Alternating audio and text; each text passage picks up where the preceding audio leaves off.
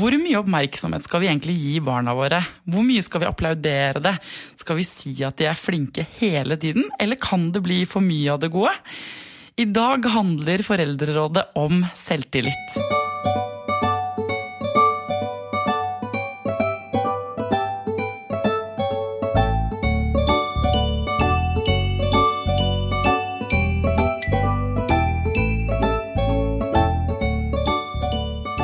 Velkommen tilbake til Foreldrerådet, Elisabeth Gerhardsen, barnepsykolog.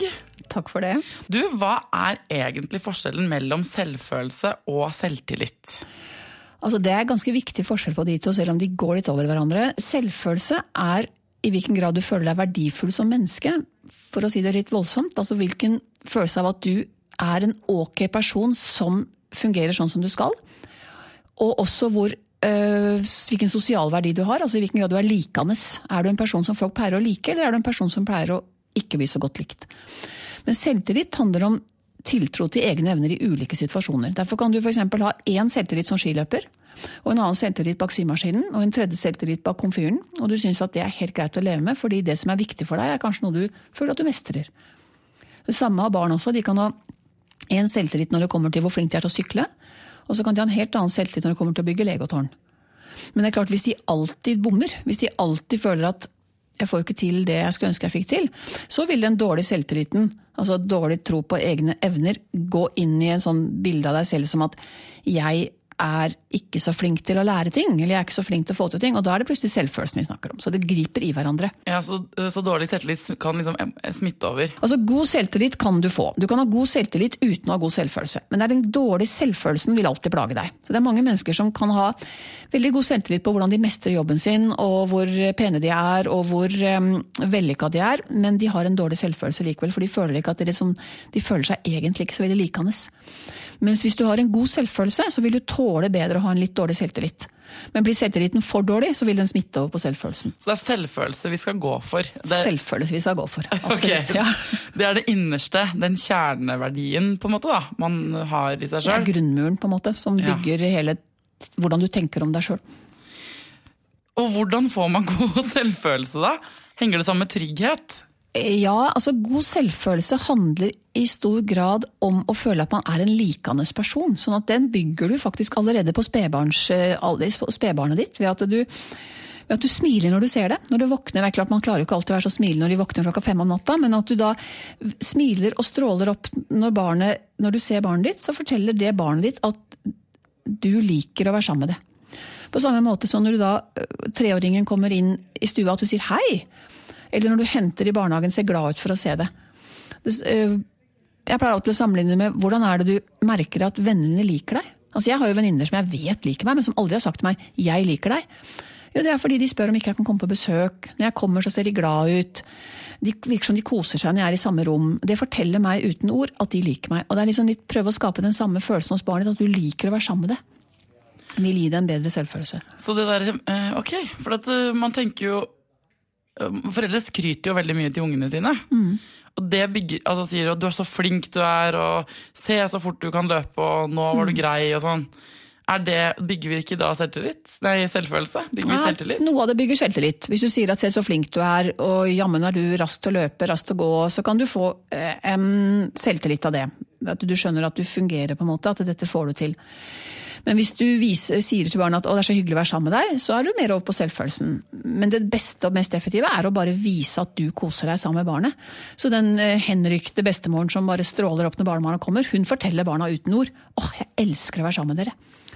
Og det er jo eh, litt det samme, mye samme i parforhold også. Hvis du, eh, vil du, føle du vil jo føle deg mer trygg på partneren hvis vedkommende spør åh, skal vi ikke finne på noe bare du og jeg til helga, da?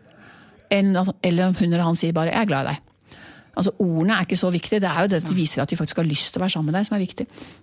Så det å være mye sammen med barna, eller vise at man liker å være sammen med barna sine, ja. det, er en, det, er det beste trikset? Ja, på mange måter. Det betyr jo ikke at du skal slutte å jobbe og være sammen med barna 24 timer i døgnet. Jeg tror ikke man blir så glad i hverandre etter hvert heller. Nei, og det blir litt dårlig for økonomien. Sånn at det, men at du prøver å huske på at du skal um, Hvordan du ser ut, altså, du, eller hva du utstråler. At du virke glad når barnet kommer. At du viser hilser dem med et hei. Et smilende hei.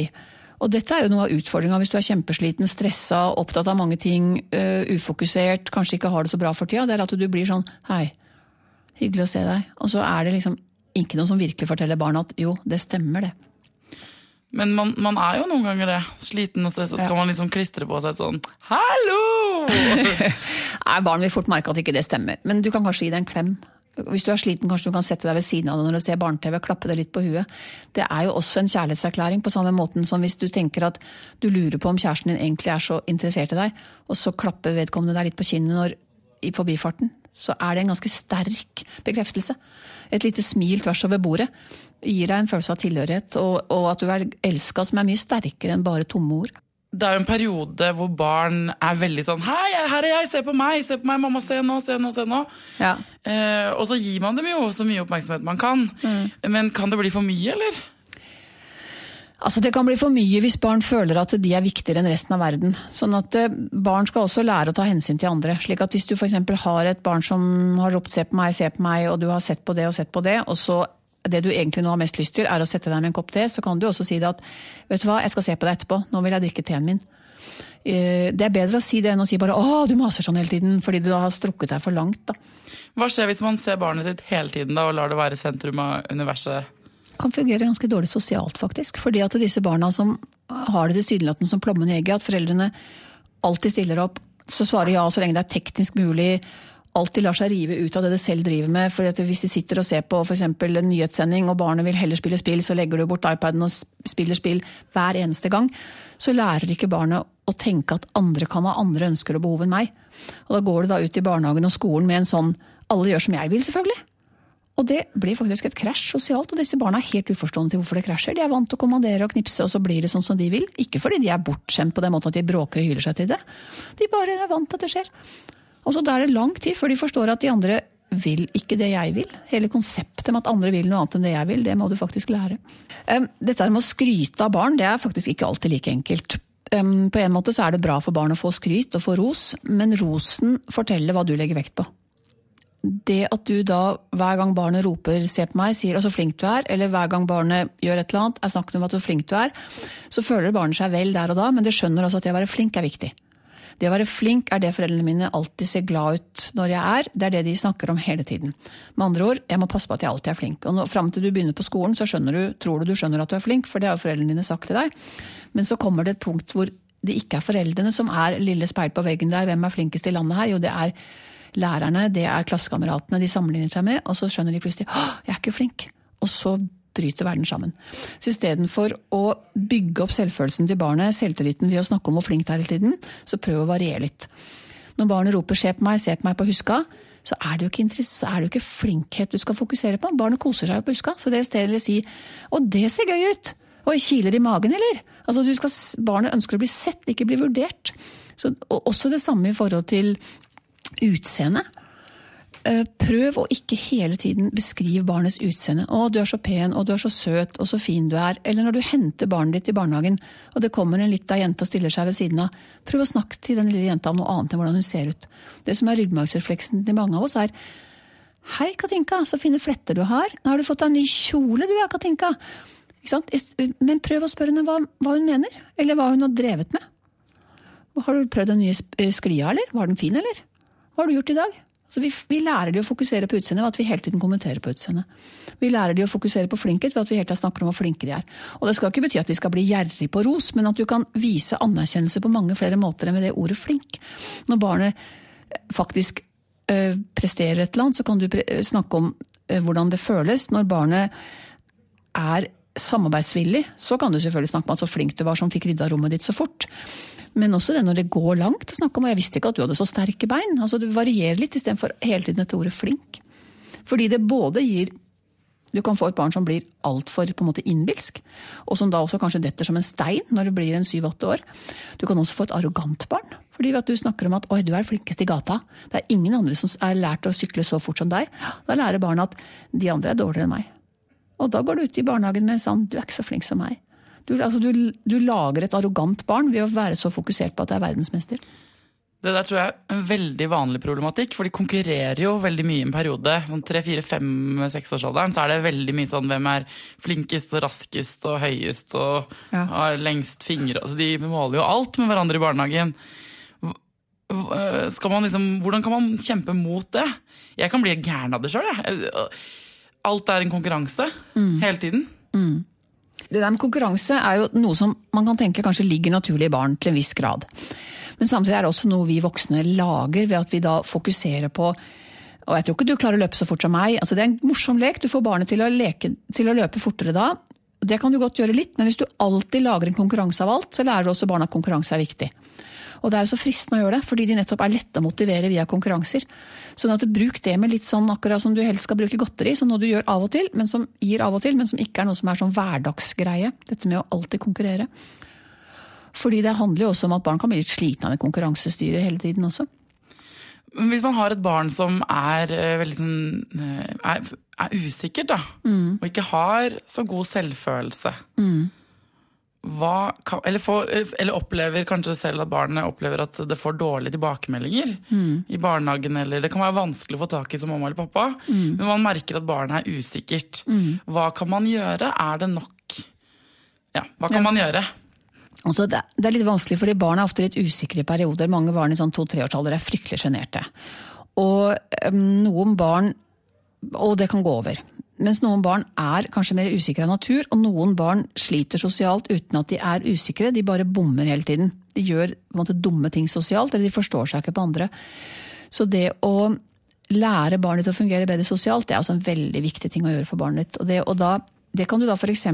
gjøre, ikke ved sånne peptalks, men at du må la alle være med på leken, eller du må bli med litt, eller du må prøve, eller hva du gjør. Det du gjør, er å invitere inn andre barn til en felles aktivitet hvor du er også med. Halvstrukturerte aktiviteter, som det heter for fint. Altså f.eks. at dere baker, at dere kanskje hopper sammen med en voksen på trampolina, hvor du er til stede, hvor du da kan bli en slags tolk. Hvor du når det er pepperkakebaking kan si at du, nå tror jeg han har lyst på den formen. Eller du, vent litt, hun har den. Du tror du må spørre, ikke røsk den til deg bare. Altså, du Som en guide? Som en guide. Og også kan du også i forhold til hvis du har et barn som f.eks. blir avvist mye. Hvis du har et urolig barn med mye armer og bein og ikke like mye tankevirksomhet på hva man skal gjøre, så kan du på forhånd drive med sånn lite kursing i hva vekker lykke i selskapslivet. Hvordan, eh, hvordan få farmor til å smile også hele, under hele selskapet, ikke bare for at du går. Og da kan det være lurt på forhånd å snakke med den kanskje litt viltre 4-5-6-7-åringen om at nå skal vi til farmor. Farmor blir skikkelig glad hvis du hjelper henne å rydde av bordet. Og så tror jeg farmor syns det ville være veldig spennende å høre om at du har vært på tur med barnehagen, og at dere gikk helt opp til gapahuken. Og så tror jeg farmor ikke veit at altså Du gir ham tips, eller henne tips om hva er det du kan snakke om, hva kan du gjøre for at folk blir glad. Og hvis du kjenner at det blir skikkelig slitsomt å sitte til bords, så kan du bare hviske det til meg, og så kan du få lov å gå fra. Kan? Du gi barn noen sånne tips. Det kan ofte hjelpe ganske mye, slik at jeg slipper å bomme hele tiden. Er dette med selvfølelse og sånn, er det, er det mye av det som er medfødt, eller? Nei, altså Selvfølelsen er ikke medfødt, men trangen til å um, være til å, til, altså, Trangen til tilhørighet, trangen til å være en del av en gruppe, den er medfødt. Slik at barn veldig, veldig tidlig er øhm, opptatt av om de passer inn, om de hører til. Så det å bli avvist er jo det verste et barn kan oppleve fra det er nyfødt. Slik at et barn, det å føle at jeg øhm, jeg får til det å bli likt, jeg får til det å um, At andre har lyst til å være sammen med meg. Det er essensielt for at, de skal, for at de, også for at de skal føle seg vel. Ikke bare at selvfølelsen skal være god, men også for at de skal trives. Alle møter jo sånne barn som er fulle av selvtillit tilsynelatende, og tar mye plass. og Se på meg, barn. og Hvordan skal man jekke dem ned? Altså problemet er at noen av disse ser på meg-barna som er voldsomt, tar mye plass, tar mye plass fordi de har lav selvfølelse. At de er usikre på om de er verdt noe straks rampelyset skrus over på en annen, så de blir fryktelig sjalu og usikre hvis ikke de alltid er i fokus. Sånn at de trenger ofte ganske mye sånn voksenkontakt, eh, også når de ikke maser. For det som skjer med disse barna, er at de tar så stor plass at når de endelig roer seg ned, så puster de bare letta ut. Eller at de får mye sånn negativ feedback. Så en, det som kunne vært fint med de, er jo vært en mye sammen, litt sånn engasjert, ivrig voksen. Som tar dem med på tur, prater og ordner, viser ting, bruker energien til barnet på positive ting, og samtidig greier å holde positiv en følelse av at dette er koselig, bestefar liker å være sammen med meg, vi har det fint, og mine armer og bein beveger seg, men det blir ikke noe bråk ut av det. da. Så det, man, så det er liksom vanskelig å få selvfølelsen bygga opp og jekke ned selvtilliten. Du må heller bygge opp den selvfølelsen på at jeg duger, selv om jeg ikke hele tiden får bekreftelse på det. Hvor viktig er den selvfølelsen man har i barneårene da, for hvordan det blir liksom resten av livet? Altså, Den virker som den er en slags psykologisk immunforsvar som gjør at du tåler mye mer seinere. Den henger også tett sammen med tilknytning, hvordan tilknytningen er. sånn at den, Det å gi barnet ditt en sånn trygghet på deg som voksen, og en trygghet på at det selv både hører til, er, et, er en ok person. Ikke verdensmester, men en ok person. Det vil gjøre at du vil tåle veldig mye mer framover. Det vil også gjøre at barnet kanskje lettere takler det sosiale. Det vil også gjøre at motgangen det får, vil det takle bedre.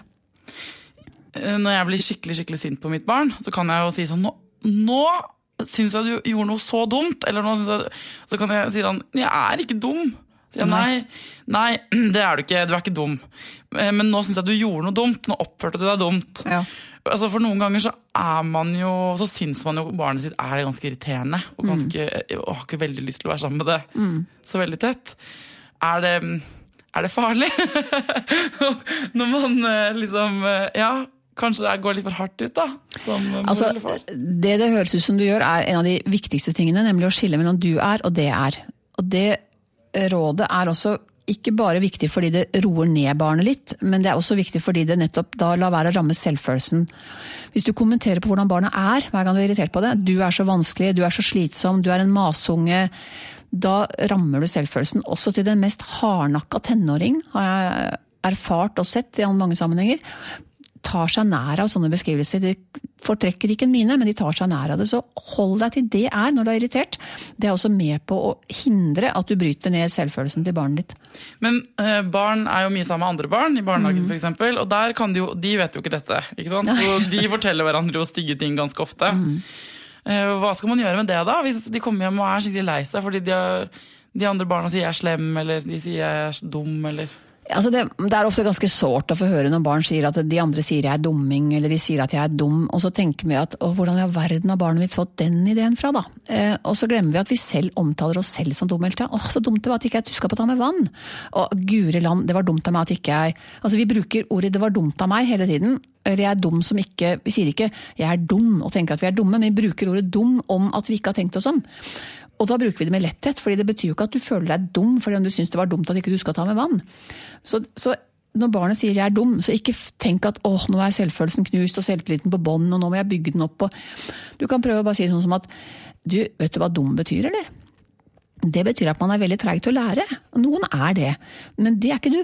Så du er ikke dum. Og så ta det litt sånn lett, istedenfor å tenke at stakkars, stakkars, hvorfor føler du deg så dum? Fordi veldig ja, ofte kan sånn, Men de andre barna sier det, de andre barna sier det ikke sant? i barnehagen at de har fått den tilbakemeldingen. Ja at de andre barna syns du er dum. Da ville jeg vært vist litt mer empatisk og si at det, er leit å høre. Det, du, det, skjønner jeg at du blir lei deg for, hvis de andre syns at du er dum. Da er de nok sinte på deg for et eller annet. Jeg lurer på om vi skal snakke med den voksne i barnehagen om de kan hjelpe deg litt, slik at de andre barna ikke blir så fort sinte. Og så finne ut av hvorfor de andre barna syns at du gjorde noe dumt. Og så kan du vri det litt umerkelig til du gjorde noe dumt, istedenfor at, de, at du er dum. Slik at igjen fokus på hva er det barnet gjør som er dumt, og ikke at barnet er dumt. Men hvordan kan man vite om barnet sitt har tenker at Kanskje noen som hører på noe tenker sånn Men har mitt barn god selvfølelse, eller har det dårlig selvfølelse? Eller, hvordan kan man liksom vite det? Mm, det er litt vanskelig å måle, fordi på en måte så tenker du at det barnet som springer deg trygt i møte, det må jo ha en forventning om at du liker det. Men du har en masse sjenerte barn og usikre barn som ikke har dårlig selvfølelse for det. Så det um, det er ikke så lett å måle selvfølelsen som sådan, men du kan jo prøve å legge merke til om barnet ditt eh, har virker som det har veldig lite tro på seg selv. Da. Og at det er um, kanskje tar Hvis det f.eks. går veldig hardt negativt ut, går litt sånn aggressivt ut i sosiale sammenhenger, første gang du treffer et annet barn, så starter du med å slenge dritt om det. Du har stygt hår. Hvis det er liksom åpningsreplikken når du treffer et nytt barn, så kan du regne med at ditt barn er ganske usikkert og utrygt og tror at det kommer til å bli avvist. Sånn at Det, sjenerte barnet er ikke noe tegn på at det har dårlig selvfølelse, men det barnet som er unødvendig aggressivt eller unødvendig nedvurderende andre, det har nok mer sannsynlig en dårlig selvfølelse. Og det å da kjefte på det hjelper ikke så veldig mye. Men det å prøve å jobbe med hvordan dette barnet oppfører seg sosialt, kan gjøre at det blir mer tatt imot av andre, og så slipper du å få den følelsen hele tiden at andre skal jo snart bli sur på meg likevel, så jeg kan jo like gjerne starte med å gå litt hardt ut. For det er jo ikke spesielt god strategi heller, da. En ting som kan være med på å true selvfølelsen til barn, er jo det at hvis du stiller urimelige krav. Hvis du f.eks. blir for irritert på denne ettåringen som ikke klarer å la være å klå, og som gjentatte ganger strekker seg etter kaffekoppen din eller vasen og begynner å kjefte og viser at du er irritert, så har du stilt et krav som barnet er for lite til å greie å oppfylle. Og selv om barnet øh, gjerne vil prøve å være som du ønsker, det virker ikke alltid sånn som foreldre, men det vil de faktisk, så vil de ikke greie å la være å strekke seg etter den kaffekoppen neste gang de ser det, for det er en iboende nysgjerrighet som ligger i barnet, og som er mye sterkere enn evnen til å huske at det var galt. Men når du da får kjeft for noe du ikke klarer å la være, altså nå snakker jeg om barnet, hvis barnet får kjeft for noe de ikke klarer å la være, så føler det seg mislykka. Så blir det frustrert, og så kjenner de at jeg får ikke til å være sånn som de voksne vil, og den frustrasjonen eh, Mislykkethetsfølelsen går på selvfølelsen løs, frustrasjonen går på humøret løs. Og så har du et barn som går mer i baklås, og så har du et barn som kanskje krasjer lettere i barnehagen, og som får sosiale vansker, og som får bekrefta at det er mislykka. Så hvis du er en litt sånn streng type som foreldre, eller blir sånn eitrende sint når du føler at du har sagt fra hundre ganger, så prøv å tenke etter om Spør gjerne venner og andre òg. Stiller du for urimelige krav? Fordi det går veldig ofte utover selvfølelsen til barna. Litt eldre barn da, som gjør rampete ting, da, som ikke hører etter, og du vet at det er ikke du, du, vet på en måte at det ikke er en refleks, kanskje. Tenker, men de gjør det motsatte av det du sier, og presser de grensene. Er det mm. der også, Skal man der også ha et øye med å ikke Altså, noen typer sånn, altså Et barn som på en måte tydelig uh, er irritert på deg og gjør ting som det vet at ikke det får lov til, kan man jo være ganske klar på at du, det der får du ikke lov til. Det må du slutte med. Altså, det trenger man ikke tenke at man skal være forsiktig med å stille krav. Men f.eks. denne fireåringen som sitter som en hoggorm på stolen. altså sitter og vrir seg og vrir seg, og vrir seg, og du har sagt fra 50 ganger de siste uka kan du sitte rolig, kan du sitte rolig. Kanskje barnet faktisk ikke kan det. Kanskje du heller skal prøve å fokusere på at, um, at barnet at barnet har det hyggelig under måltidet. Og så bare se noen fingrene, men den kommer til å sitte rolig før eller senere uansett. Um, kanskje du skal fokusere på hvorvidt barnet får lov å springe fra, mer enn hvorvidt barnet skal sitte rolig. Så prøv å legge merke til ting som irriterer deg ved ungen din, som har sagt fra mange ganger. Er, det, er, du helt sikker på at den, kanskje, at den faktisk klarer å la være? At barnet glemmer seg bort hele tiden og kommer på gang på gang 'Å, nå gjorde jeg det igjen', nå gjorde jeg det igjen. Det jeg ikke fikk lov til, eller det som de voksne blir irritert for. Og så får du hele tiden en følelse av at 'jeg får jo ikke til', jeg får jo ikke til'. Og det er jo ikke bra for selvfølelsen. Hvis du skulle oppsummert da, Elisabeth Gerhardsen, hva er det viktigste vi kan gjøre for barna våre når det gjelder dette med selvfølelse? Ja, det er å skape en følelse at vi liker å være sammen i.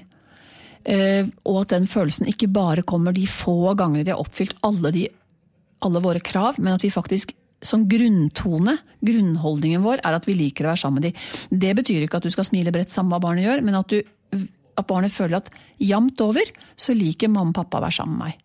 Det er en veldig viktig ting for selv. Det er det som bygger god selvfølelse. Tusen, tusen takk for at du kom til Foreldrerådet. Ja, takk for at jeg fikk komme. Vi prøver jo så godt vi kan å være verdens beste mammaer og pappaer hver eneste dag. Og like sikkert som at vi prøver, så feiler vi. I hvert fall feiler jeg ganske ofte og får dårlig samvittighet. Og da er det jo så mye trøst i å høre at andre mennesker gjør feil, de òg. Nå skal du få høre Katinka fortelle om noe hun skammer seg ganske mye over eh, fra en dag i sin mammajobb. Vi var på hyttetur i vinter, og der var det veldig mye levende lys og åpne flammer og peiskos og sånne ting. Eh, og datteren min er da mm, ekstremt nysgjerrig på mm, alt mulig. Og da spesielt eh, denne helgen så var det levende lys og flammer. Jeg Var veldig fascinert av det. Og jeg gjorde jo det jeg kunne, altså forklarer og prøver å holde henne unna flammene og liksom ikke ta på lyset. Ikke, men hun insisterer likevel da, på å drive og pelle borti. Går rundt da en hel helgen med litt sånn konstant hjerte i halsen og ser for deg brannskader og smelta klær på barnehud og liksom Ja. Ble ikke så mye avslapning. Um, og så kommer det til et visst punkt etter sånn tre dager hvor jeg kjenner at jeg bare jeg, jeg, orker ikke mer. Jeg orker ikke å holde henne unna. Hun skjønner jo ikke, liksom. Hun må Hun klarer ikke å holde seg unna. Så sitter vi ved bordet, og jeg ser at hun sitter og liksom peller borti det stearinlyset. Og jeg ser den der lille, søte fingeren hennes liksom på vei inn i flammen der. Og i stedet for å liksom naturlig refleks kaste seg over, dytte hånda hennes vekk, så lar jeg henne Jeg lar den lille fingeren gå inn i flammen. Og, og det ble jo et rabalder, selvfølgelig. da, og Skriking og hyling ikke sant, og brent seg, og det var ikke måte på. Og, og jeg, kjente med meg etter, jeg kjente med meg selv etterpå at jeg bare Hva fader, hva er det som skjedde nå? Men jeg bare, jeg vet ikke hva jeg tenkte på. Jeg bare, jeg orka ikke å, å holde henne unna den flammen, for det gikk jo ikke inn. Men, eh, men, den hylingen og det, det, gjorde jo helt forferdelig vondt i mammahjertet etterpå. Så um, ja, jeg kommer ikke til å gjøre det igjen. Eh, og det tror jeg ikke hun kommer til å gjøre heller. Det er jo ikke lett eh, å gjøre alt helt riktig. Heldigvis så kan vi som hører på denne podkasten dele de historiene med hverandre, så vi blir litt tryggere på at vi selv gjør en helt ok jobb. Og kanskje kan vi til og med bli litt bedre til å være mammaer og pappaer. Eh, til neste gang, folkens, gå gjerne inn på Facebook og finn Foreldrerådet podkast-siden, og send meg forslag til hva dere vil at jeg skal ta opp. Eh, alle verdens eksperter ligger på våre føtter, og jeg kan bare ringe dem for å ta opp akkurat ditt problem. Abonner gjerne på iTunes. Til neste gang, pass på deg selv, pass på ungen din, og lykke til.